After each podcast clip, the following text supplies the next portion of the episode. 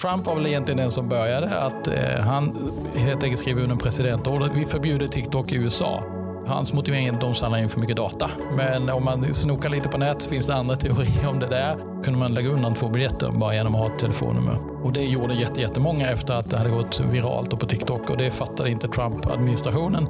Så de var jätteglada. En miljon människor har ansökt om biljetter. Det kommer bli helt knökat. Eh, och det blev det inte. Det var helt tomt i salarna där.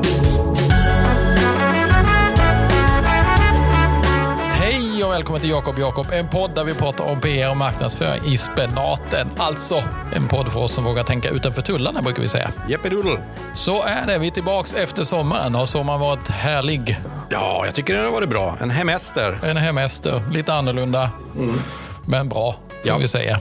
Vi är tillbaka i varje fall. Ja. Det är skönt. Vi är tillbaka, har lite förändringar i bakfickan. Vi kanske inte plockar upp dem riktigt än, då, men lite idéer för framtiden och eh, en tanke om sponsorer. Ja, vi gluttar lite, öppnar lite på dörren för sponsorer. Så är du sugen så får du höra av dig. Vi kommer att återkomma till mer info när vi vet mer och när vi har tänkt färdigt. Men vi tänker vi kör ett avsnitt eh, i vilket fall. För vi är så sugna. Det finns så mycket nytt att berätta om helt enkelt. Yep. Ska vi bara börja lite kort internt. Du har eh, förändrat lite i dina bolag. kan vara intressant att veta. Ja, jag vet inte om vi pratade om det redan innan sommaren här, men eh, vi, vi drog igång ett... Eh, ja, dels ändrade vi namnet på den byrå som jag har drivit under, under många år tillsammans med min kollega Niklas Ekblom. Eh, vi går från contentbyrån till Rydberg och Ekblom. Det låter som en advokatbyrå. Ja. ja, precis. Eh, vi jobbar inte bara med content marketing. Det var avsikten med contentbyrån. Och sen, så, sen så har vi gjort lite, eh, lite förändringar i övrigt också som, som gör att vi känner att vi skulle vilja byta Pivota. namn. Pivota ska man göra. Pivota. Och, men den, den, den, större förändringen är ju att vi har dragit igång ett videoproduktionsbolag då, som vi samäger tillsammans med ett annat företag här i Umeå. Så vi har precis börjat renovera och få upp en, en, en studio här med, med, med anställda som jobbar med, med film och color grading och ljuddesign och allting. Så det känns jättekul. Electric heter det företaget. Så det kanske jag får berätta mer om sen. Ja, kanske får sponsra det. Helt osponsrat. Ja, precis. Ja, men spännande att det händer grejer i byråvärlden i norr. Det ska vi inte förakta. Nu tycker jag vi pratar om nyheterna. Ja, då kör vi.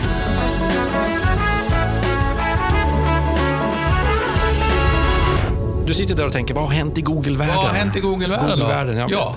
Det händer ja, som vanligt en, en, massa grejer, brukar jag ju säga. Eh, men jag, jag, tror inte att det har hänt någon sån jättestor grej. Det kanske har funnits någon skandal. Det brukar ju du, news junkie, hitta. Men, men en sak som pratades redan innan, innan sommaren och som det har skrivits ganska mycket om på, på eh, bloggar och i, i nyheter för sökmotoroptimering och sådana saker. Det är ju den här Eh, Web Vitals-uppdateringen. Web, eller Web Core Vitals. Eh, och det är då ett initiativ som mäter användarupplevelsen på sajten. Så Google vill ju att vi ska bli bättre på allting och sajten ska bli bättre och bättre. Och nu har de då liksom gjort, gjort ett, eh, tagit fram en, eh, ett, ett antal mätetal eller faktorer kanske man ska säga för hur användarupplevelsen på min sajt är. Så de vill att alla webbplatsägare då ska gå in och titta på de här siffrorna och göra sin webbplats bättre utifrån ett användarperspektiv. Då. Spännande. Vad är, vad är det här någonstans? Det här hittar man i Google Search Console. Förstås. Som är den här platsen där Google kommunicerar med oss som är webbplatsägare. Där står det också om de har hittat fel och sådär. Man kan kolla om vissa sajter är eller vissa sidor på, på sajten är, Men är spindlade. allt är i den nu. Man kan liksom inte hitta och provköra sin sajt utan att ha konsolen igång idag. Innan kunde man väl se hur snabb är min sajt. Ja, det kanske man kan ha ja, Det finns väl andra verktyg för det också. Men det här är ju, det är, det är Google och, och de vill ju då mena att det här ska påverka eh, rankingen ja, i, i sökresultaten också. Då, hur pass bra mina användarupplevelser på min webbsida är. Och Då vill de ge oss ett underlag för det så att vi kan förbättra det. Saker som de tittar på till exempel, det här är ju tekniskt och saker som en marknadsförare sällan kan åtgärda. Man måste göra det tillsammans med programmerare. Men det är hur lång tid det tar för en viss sidas största eller då viktigaste innehåll att renderas eller visas i skärmfönstret. På, på, eller webbrowserfönstret helt enkelt. Eh, hur lång tid det tar att respondera från, från webbens sida om en användare interagerar, klickar på någonting, då det ska hända någonting. Hur lång tid tar det? Hur länge måste jag vänta? Och en annan ganska viktig grej det är eh, hur, hur mycket såna här oväntade eh, förändringar som kommer på sidan när den börjar laddas. Ja, just det. Pop, pop-ups pop ja, men Jag skulle tro att det är pop-ups och, ja. och sådana saker. Om man klickar någonstans och helt plötsligt så var det inte den där knappen där, ja, utan det. är någonting annat. Så alla det, här, det räknas samman på något sätt och ger någon slags tal som man då kan då avläsa i Google Search Console. Det, det finns ju fler sådana här upplevelsegrejer som till exempel mobilgrejen, alltså att den är anpassad för mobil. Du kanske kommer ihåg Mobilegeddon som vi pratade ja, om ganska mycket för, mycket för, fem år sedan. Eller något som sånt inte där. hände så jättemycket? Ja, det hände inte så mycket och det är det man tror också. Ja. Det här kanske inte heller händer. Eh, inte, kanske inte blir så mycket, men Google vill åtminstone att vi ska uppmärksamma det. Och, och, I det får man väl kanske säga då, ska, ska, man lägga tid på det här, det kommer ju att tarva att man sätter sig med, med, med, en programmerare, men det kanske finns andra projekt som faktiskt kommer att ge mer. Så att här, här är ju hela tiden... Ja, fast jag ligga, ligger jag idag och funderar över rankingen i Google, då är det klart att då, ja, då är det ju värt det. Säkert. Precis. Konkurrensutsatta, absolut. Men det kan ju finnas andra saker. Man kan ju dra igång en kampanj kanske. Ja. Eller, eller någonting. Eh, så att allt är en fråga om vad, vad, vad man får lasta in och vad man får tillbaka såklart. Men det är intressant att de har eh, eh, att det finns i Google Search Control i alla fall om att man kan titta där då om Google har samlat tillräckligt mycket data om din, din sajt. Ja, så det kan man gå in och titta på. Måste man ha en viss mängd trafik antar jag? Ja, jag tror att det är så. Eller om viss tid som måste ha gått ja. kanske. Jag, jag, det, det är inte lönt heller för min lilla, lilla sajt med sju besökare i veckan. De Mest får nöja sig. Inte. Nej, nej, just det. Mm. Ja, men spännande, det låter ju intressant eh, och spännande att det ändå, och det är ju bra tycker jag ändå att Google ger sig in i användarupplevelsen ännu mer för den, ja. det skadar väl inte att de stora välbesökta sajterna eh, tänker på det. Nej. Så är det ju. Och det, och det, är ju de, jag tänker med de här som du är inne på, de små, men jag tänker också på de här lite mer kre, kreativa sajterna som kanske har en stor film eller en stor bild. Google är ju dålig på att tyda vad det ja. är för någonting. Och, ja, de kanske inte har så mycket att vinna här då. Men det är som du säger, de här stora, de som jagar positioner Precis. i, i eh, sökresultatet. Ja, lite om Google. Spännande.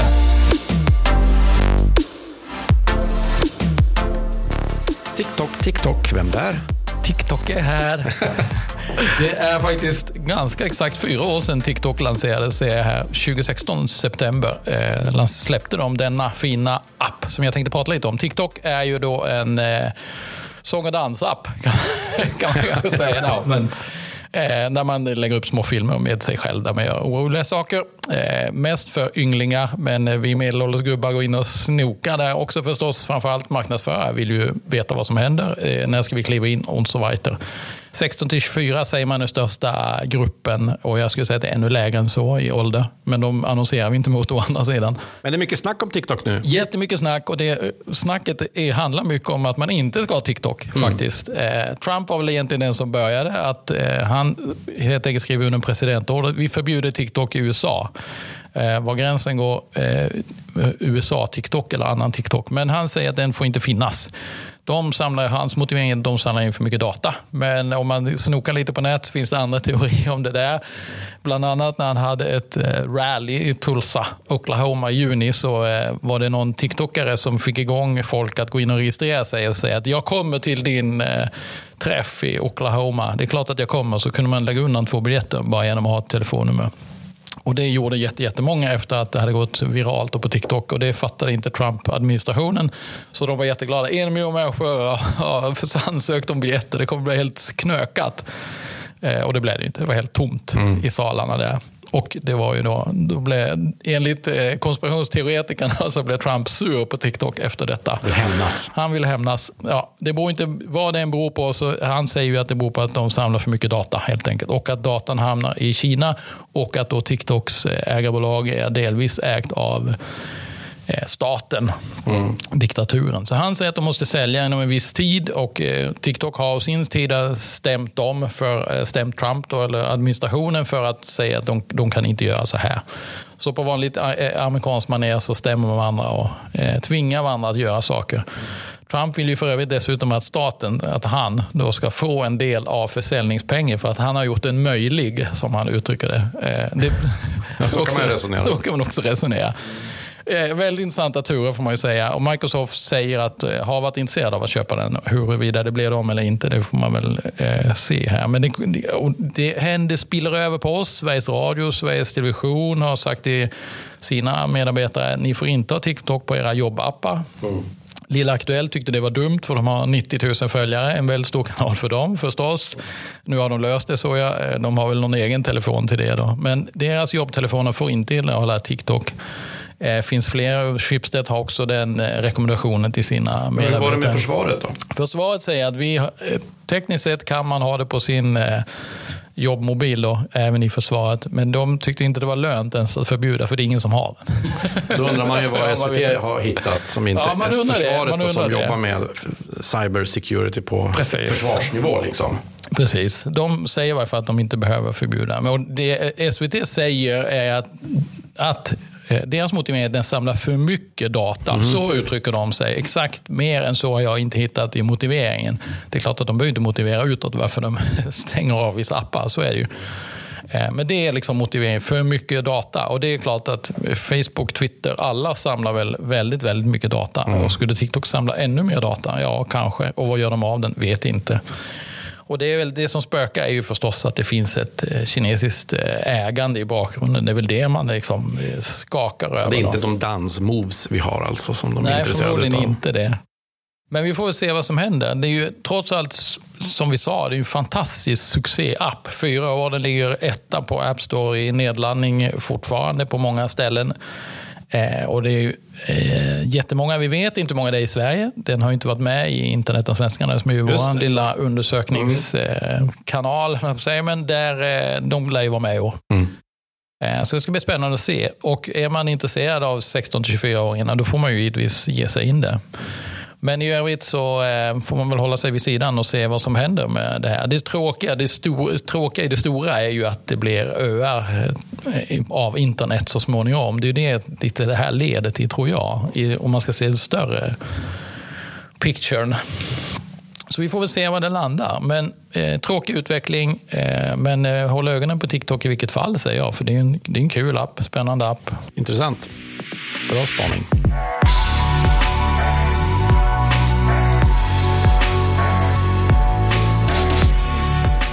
Från TikTok till Amazon då. Just det, en annan ö. Ja, ja verkligen, det måste man säga. Ehm, de bekräftade ju här då att de skulle öppna i Sverige eh, i början av augusti. Så, så, så sa de det och då ska de ha ett komplett detaljhandelserbjudande. Och då funderar man ju mycket, för det här är ju, det här är ju en gigant, precis som Facebook och, och Google, då, även om de inte gör exakt samma saker. Hur kommer det att påverka eh, oss? Eh, och, och, många har väl en ganska dystopisk bild man, tänk, man ser det mer som ett, ett monster eller en ångvält. Då. ångvält. Vad sa vi? Amazon de, de går ju från klarhet till klarhet också när det gäller intäkter. De fick in 5,2 miljarder dollars senaste kvartalet eh, på banken. Eh, och det var deras bästa kvartal hittills. Och, ja. Det beror ju på coronan förstås. Då, ja, men precis. Amazon går ju, har ju alltid gått bra. Säger det kanske inte, men det, det är ju en en jätte i, ja, i handelsvärlden. Och det är väl många, många oroar sig just över den här jätten då, som kommer den att slå ut mångfalden och butiksdöden som vi redan ser med e-handeln som sådan. Och, och det här att det är vissa, ett, ett antal bara få amerikanska bolag som, liksom, som får så mycket makt styr internet. Och inte bara internet, utan allting. Det, är ju en handelsplats, och det blir logistikfrågor och det är anställda och, och så vidare.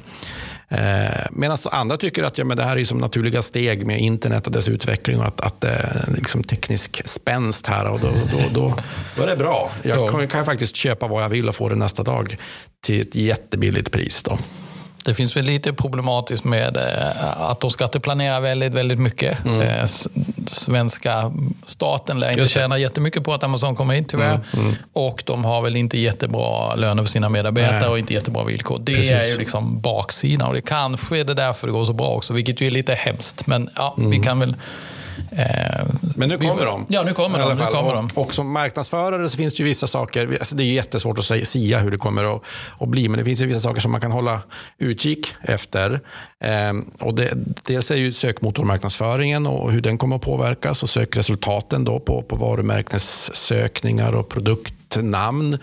Eh, de kommer att ta placeringar såklart organiskt, eh, naturligt. Så det, det, kan man ha ett öga på. Eh, man kan ju fundera hur mycket, mycket Google Ads de kommer att köra. Ja, just det. De har ju sina egna kanaler också. Man kan ju annonsera eh, på, på, Amazon. Men, men det kommer att påverka Google Ads säkert initialt och, och klickpriserna därför är köpta trafiken garanterat. Eh, Amazon har ett marketplace som sagt. Ska jag börja använda det? Eh, om man är it-företag och säljer hårdvara till exempel, ska vi börja, ska vi vara ett produktflöde för att gå in där också. Det kan vara en möjlighet. Eh, marginalen, de kommer ju trycka ner marginalerna. De skulle kunna dumpa saker om de vill liksom, till en början, bara för att få in oss som kunder. Eh, super, superspännande. Ja, det finns många sådana här eh, frågor och, och, och jag tror på de flesta frågor här så på några, eller något och några års sikt så är påverkan ganska, ganska stor. Då. Det är intressant att titta på andra länder då, som, som man skulle kunna jämföra. Om man tar bort de engelska länderna där såklart Amazon har väldigt stort, stor andel. Jag tror i USA så är det 50 procent. Jag vet inte exakt hur de räknar, men på, på de produkter de för antar jag. Ja, men om man tittar på, på europeiska länder som inte pratar engelska, Italien vet jag, Frankrike och sådär. Eh, då, då ligger eh, andelen på någonstans mellan 15 och 30 procent. Av e-handeln så att ja, säga. precis. Och, men då har man inte tagit den positionen på en gång såklart. Nej, utan det, det tar en stund. Men om man leker med tanken att de på något år skulle ligga på 10 procent så är det ju ändå ett, det är ju jättemycket ja. såklart. Och det kommer påverka väldigt många människor. Jag har ju dykt lite i min ände eh, som... Eh, som författare? Ja, som bokskrivare. Mm, som författare. Är, det, väldigt intressant att se vad som händer förstås. Jag har faktiskt lyssna på lite amerikanska poddar om just eh, det här skriva för Amazon. Helt ja, det. Alltså, Kindle-biten. Kindle-biten, precis. Det, man har ju en Kindle-affär. Eh, du väl, har väl en Kindle ja. redan idag som du handlar på. Jag har inte det faktiskt. Men då pratar man om, ska man öppna en Kindle i Sverige, så att säga, en svensk Kindle-portal så att säga, och trycka ut Kindlar, eh, då subventionerar de ut dem och försöker verkligen få ut dem då, alltså verkligen få igång den affären. Eh, I USA är det en jätteintressant affär för folk som skriver böcker, för du kan skriva långa serier av böcker eh, och du kan leva ganska gott på det. Du får behålla väldigt mycket av pengar. Jag tror det är 70 procent om du lägger ja, upp en e-bok. Och e-boken kostar ju ingenting att göra i Nej. princip heller. Så väldigt många kan ju leva på att skriva böcker tack vare Kindle-affären helt mm. enkelt. Mm. Eh, jättestort språkområde förstås, finns helt andra eh, förutsättningar. Men ändå, eh, och det vet man inte idag om det blir en svensk Kindle-del, Kindle Shop så att säga. Men det är en spännande utveckling tror jag för egenutgivare och indieförfattare som de kallas, ja. de här som skriver långa fantasy-serier som redan idag många av dem kan leva på, även om de gör ett litet språkområde. Så det är spännande att se. Det kommer också förstås att skaka om de stora bokhandlarna, vi har Adlibris och Bokus, är mm. jättedominerande i vårt lilla, lilla mm. land. Hur kommer det påverka dem? Det vet man ju inte heller förstås. Nej. Och man vet inte heller hur, i USA är det likadant, eh, också väldigt, eh, de stora förlagen köper upp väldigt mycket av annonsutrymmena i den här boksfären, så att säga, bokdelen av mm. Amazon. Så att eh, även där har indieförfattare och småförlagen väldigt svårt att komma fram. Så att säga. Om det är stora lanseringar så tar de över. Liksom. Ja, just det. Det där får man också se hur det blir. Då. Så att det är, för bokdelen och författarna är det både en, kanske en liten öppning men även eh, en stor risk förstås för eh, aktörerna i branschen. Så det är spännande. Ja, och, och, jag tror också att precis, alltså, det är små ekosystem i systemet på något precis. sätt. Böcker, det, det, det, de har varit ganska hårt ansatta av Amazon sedan tidigare. Som du säger, jag har ja. handlat böcker där redan tidigare. Och få ut det till mina... Så att de, de har ju mött den här, ja, den här väggen redan. Men det är klart, det blir ju på ett annat sätt med en, en svensk handelsplats. Men det finns ju andra branscher och vertikaler. Mode till exempel i Europa, det, det har inte alls funkat för Amazon vad jag har läst. Utan det är andra spelare då här i Europa som vi är vana att använda. Ja. Eh, så det finns ju sådana där grejer. Det finns också säkert kategorier saker man säljer som skulle kunna få draghjälp av Amazon. För man har egentligen inte kraft själv. Det är kanske en sån udda produktkategori eh, som man säljer. Men, men Amazon eh, syns och man ja, kan få det. synlighet den vägen. Då. Och kanske till, kanske till och med kan jacka in sitt produktflöde där. då. Sen finns det ju de som sysslar med dropshipping också. Alltså, som, som helt enkelt säljer Amazon-grejer. E-handlare som bara säljer Amazon-grejer. Mm. Eh, det finns en stor möjlighet för dem. Det finns jättemånga säkert som har byggt små webbshoppar just nu och bara väntar på att trycka på knappen. eh, och, och, sälja saker. I stor volym med jättesmå marginaler då såklart. Men, ja, men, men man, man behöver inte ta hand om någon logistik eller någonting sånt där, utan Amazon sköter, sköter allt. Superspännande. Men man, man tänker ju på, på några saker och det är ju att, att Sverige har varit så uppkopplat så länge. Vi har ju mm. kört, vi har, har varit ganska internetmogna. Så, så man, det är väl det som gör att man tänker att Amazon kanske inte behöver få det jättelätt heller. Alltså vi, har redan, vi har redan börjat handla. Jag, jag tänker mig att då företagen som säljer saker har liksom eh, Eh, jobbat med sina erbjudanden. De vet hur, vi ska, hur de ska kommunicera mot kunder. De har koll på de digitala kanalerna och sådär. Eh, så att det talar väl för de befintliga så att säga. Men jag tror det säkerligen finns anledning för många att börja fundera, precis som de fysiska butikerna fick börja fundera på e-handel, att man nu i e-handelsläget får ytterligare jobba med sin kundupplevelse. Då. Hur, hur kan vi snäppa upp det här ytterligare ett steg så vi står pall mot Amazon nu, om man nu ser det som sin konkurrent. Och det, det som hände här i våras borde de ju, jag gissar att de gräver sig, nu är Sverige en liten marknad för dem, men de borde ju, hade de varit med så hade det nog varit bra för dem. För nu ser vi att vi har fått nya kundgrupper i handeln under våren, under coronan helt enkelt, eh, som nu kanske då redan har skapat sig en egen ny vana att gå till CDON eller vad det är nu de ja. handlar någonstans, Bokus ja. Eh, och det är klart att bryta deras vana är kanske inte helt superlätt. Eh, vi, fick ju, vi har ju sett framförallt äldre målgruppen har ju verkligen ökat sin e-handel. Det är klart att de skulle gärna varit med på det tåget kan man tänka sig.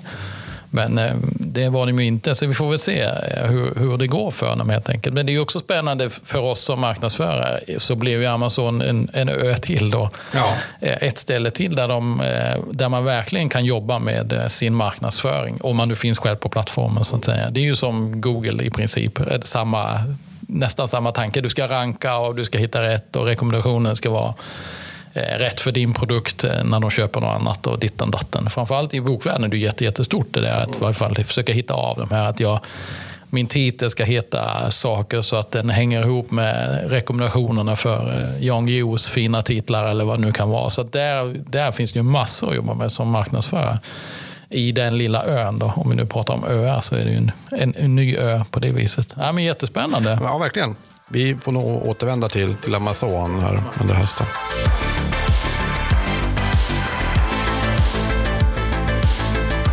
Ja, jag tänkte bara lite kort prata om LinkedIn. Eh, som jag vet att du älskar, inte något. Jo. jo. Det jag skulle säga inte, jag, jag, och det vi får vi också se i höst när vi får en internet och svenskarna-rapporten där, hur det ser ut att gå för LinkedIn. Men i min värld så har det gått väldigt, väldigt bra för LinkedIn över sommaren, eller senvåren och sommaren. Eh, och de bolag jag jobbar med som är business to business globala har ju då köpt jättemycket mer än tidigare. Och, och jag tror att det tror jag kommer att spegla LinkedIns eh, år faktiskt. Att eh, jag tror att när vi satt hemma och började jobba hemma eh, och vi inte kunde gå på eventen förstås. Mm. Det tror jag har gynnat dem oerhört mycket. Och jag tycker också att nu, nu har jag då annonserat mycket, mycket mer än jag har gjort innan. Men det har blivit mycket bättre priser på LinkedIn än vad jag har lyckats få innan.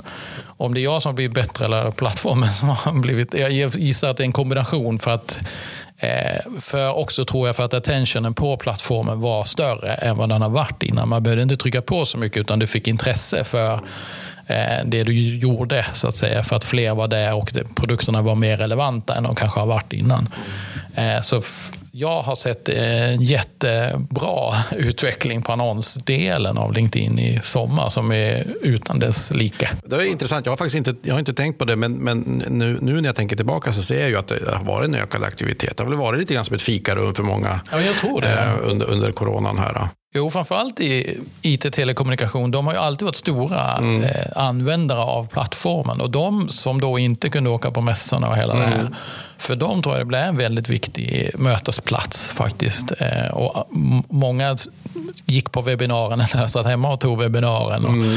hela det här. Så där, där tror jag, i den världen tror jag faktiskt att det spelar väldigt stor roll. Och i den världen jag har annonserat och jobbat också. Det har gått jätte, jätte mycket bättre än det någonsin har gjort tidigare. Även om det är samma värld, ja. så att säga, samma folk har sökt, mm. Eh, så har vi fått mycket bättre resultat den här sommaren än vi har fått innan. Det är superspännande. Så det är spännande ja. faktiskt att se vad det, vad det blir av sen. Vi, nu går vi tillbaka till lite mer normala, folk sitter fortfarande hemma. Vi åker förmodligen inte på mässor än på ganska länge tror jag. Nej. Eh, videokonferenser en hel del ja. mer. Och nu försöker ju flera av de här stora IT-eventen bli digitala. Då. Mm. De kör digitala mässor och de kör... Eh, ja, vi får väl se vad det ger. Det är, hittills har det varit väldigt torftigt tycker jag. Eh, när man har försökt, försökt bygga de här mässorna digitalt helt enkelt. Att du gå in i ett rum och nu ja, lockar de också med, om du, om du besöker så och så många så är du med i en utlottning av en iPad. Ja, precis. och det undrar vad är kvaliteten på de eh, besöken undrar man ju då. Men de måste göra någonting. De måste, hela de här eventbolagen framförallt stora amerikanska portaler är det ju egentligen ja. eh, som sitter på de här. Och de har ju levt på mässorna förstås. De har haft sin webbtrafik förstås, men den har i princip bara varit för att eh, pusha upp sin mässa. Ja, ja. Eh, visst, de har lite nyheter om vad som händer i kanalen och, mm. och IT-världen och så vidare. Men de har ju levt på mässorna och nu har de försvunnit, tappat det benet. Så de gör ju allt de kan för att liksom, försöka hitta tillbaka till det här med webbinar och annat. Då. Så det ska bli spännande att se vad det innebär för LinkedIns del. Då. Men jag tror webbinar och göra digitala mässor av olika slag, där, där, finns det nog mycket utvecklingspotential också. Vi, vi tog verkligen i eh, här i ja, kan det vara april, maj och tänkte så att tv-produktion gjorde en livestream åt en, en kund med, med eh, liksom live cuts till olika sändningsställen då, med intervjuer och sådär. Eh, och det var ju jättesvårt. Det har ju inte vi gjort tidigare på det sättet. Då. Ehm, men, men även där ser man ju att det finns, det finns ju, man kan göra hur mycket mer som helst för att få engagerad publik till exempel. Eh, och, och, och, rent kvaliteten. Så där har vi nog mycket att jobba med. Men, men precis som, som du var inne på med, med LinkedIn rent allmänt nu då, så, så är väl det ett, ett område som vi får hoppas vi får, får fortsätta, alltså trenden fortsätter, att vi, att vi bara blir bättre och bättre. Mm de nyheter de har släppt är ju live. Eh, alla har fått, jag har fortfarande inte fått live, varken på något av mina företag eller på eh, min egen. Så där finns det också, tror jag, eh, potential. Och det är konstigt att rulla ut den snabba. De kan väl kanske inte, men den hade verkligen, tror jag, använts mer om fler hade haft den, mm. gissar jag. Ja, den grejen vi körde var på, på YouTube, ja. såklart, och inte på, på LinkedIn. Nej, precis. Eh, nej, jag, jag trodde faktiskt att det hade börjat dyka upp? Ja, det har ju börjat dyka upp, men eh, in, inte alltså, hos alla. Så att säga. Nej, okay, okay. Så att det finns ju också kvar. Mm. Eh, jag såg förra året hade vi eh, i Svenskan och internet 31 procent var där någon gång och 5 procent dagligen. Så det ska bli väldigt, väldigt spännande att se om vi lyckas få upp den siffran eh, faktiskt. Du har identifierat två intressanta saker för, för den rapporten. Här. Ja. TikTok-användandet och så LinkedIn. Den, ja, ja, det blir spännande. När är det det brukar komma? Eh, ja, den, själva internetdagarna såg jag häromdagen. Det var 20 november någonting, 23-24 tror jag. De kör digitalt för övrigt. Wozniak med Apples eh, ah, gamla guru ska vara med. För nu kör de ju digitalt så nu kan de ju plocka in gäster som är högprofilerade. Ännu enklare än de har gjort innan. De behöver inte flyga in till Stockholm. Så det ska bli spännande att se faktiskt. Eh, och i samband med den, precis innan den brukar de släppa det. Så i november någon gång kommer väl eh, vår lilla bibel ut då, får vi se. Men LinkedIn som sagt är den stora, stora vinnaren, eh, tror jag, på den här eh, konstiga sommaren. Ja, det var en snabb halvtimme. Ja, det var det. Ja, men det får väl vara allt för idag då. Ja, men kul att komma igång igen. Ja, härligt att vara igång och eh, som vanligt, man får hemskt gärna gå in på vår eh, Facebookgrupp, eh, podden Jakob och Jakob. Och man kan även hitta show notes på jakobojakob.se. Och så eh, sa vi att vi gläntar lite på dörren mot sponsorer också. Så är ni väldigt sugna, hör av. Vi kommer återkomma lite mer detaljer också vad vi gör där. Men kul att vara igång som sagt. Jajamän. Vi ses snart igen. Ja, men det gör vi. Tja, hej.